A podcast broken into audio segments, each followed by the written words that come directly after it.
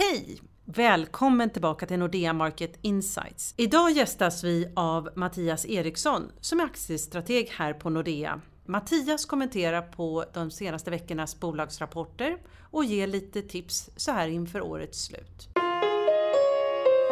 Hej! Välkommen tillbaka Mattias. Idag låter du lite friskare. Ja, jag är inte helt återställd men uh, i det närmaste frisk. Lite mer röst att hålla igång med. Eh, vi ska titta lite på rapporterna för tredje kvartalet och ta lite tempen på den svenska börsen. Tänkte jag börja med att säga att de flesta större börsbolag har ju rapporterat. Kan du sammanfatta den här, eh, det som har rapporterats?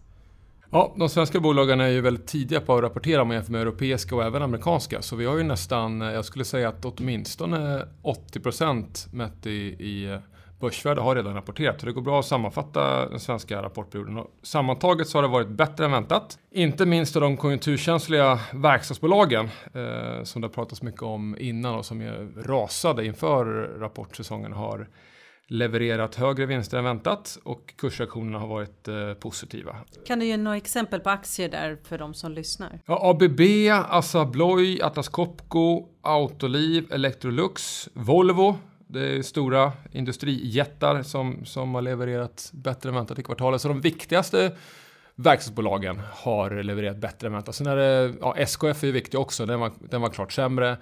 Bland de mindre så är det Hexpol och Husqvarna som har levererat sämre än väntat. Men det är, de är ju av mindre vikt. Så, så många tunga verkstadsbolag har levererat bättre resultat än väntat. Så det är positivt. För det var ju mycket fokus på Kina så här inför rapporterna. Hur går det egentligen för de svenska bolagen som har exponering i Kina?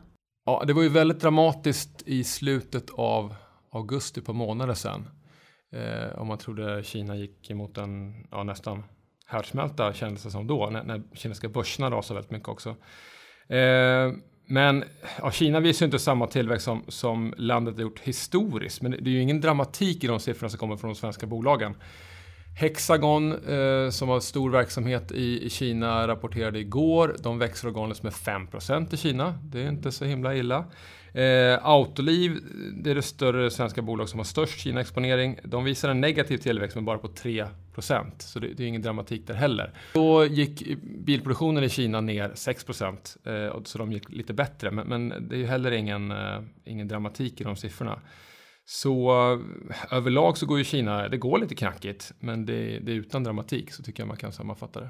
Om du tittar på rapporterna, var det någon region eller sektor som stack ut specifikt? Ja, men det, det är två saker jag tänker på där och eh, det som det har varit mycket prat om, det är den väldigt svaga olja och gassektorn i USA. Eh, det var inte så jättemycket prat om innan. Visst, man har ju naturligtvis sett att oljepriset har rasat och självklart har det, har det påverkat, men det har varit väldigt mycket prat om, om just den, eh, den sektorn. Då.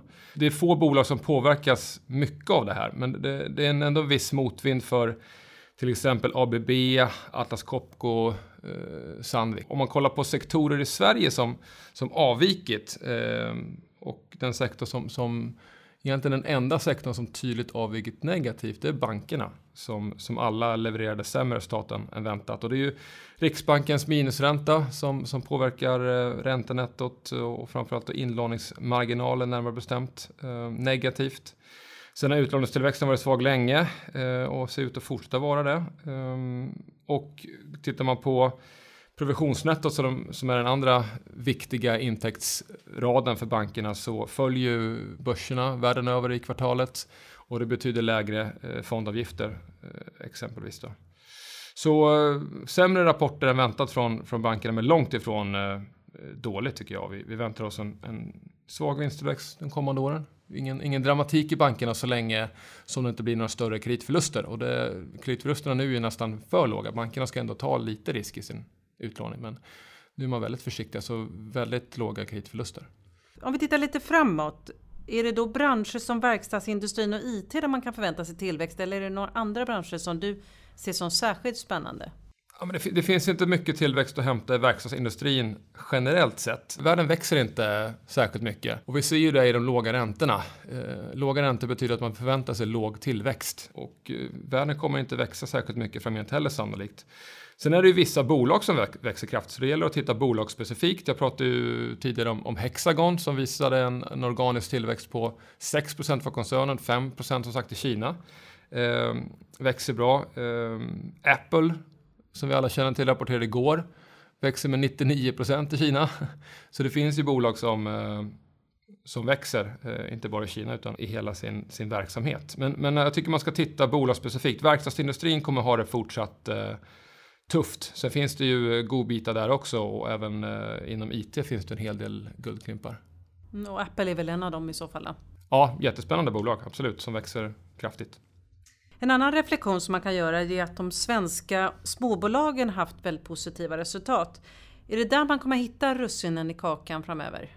Ja, man ska självklart botanisera bland de mindre bolagen. Det finns en uppsjö av massor med spännande bolag. Eh, mindre bolag på, på Stockholmsbörsen.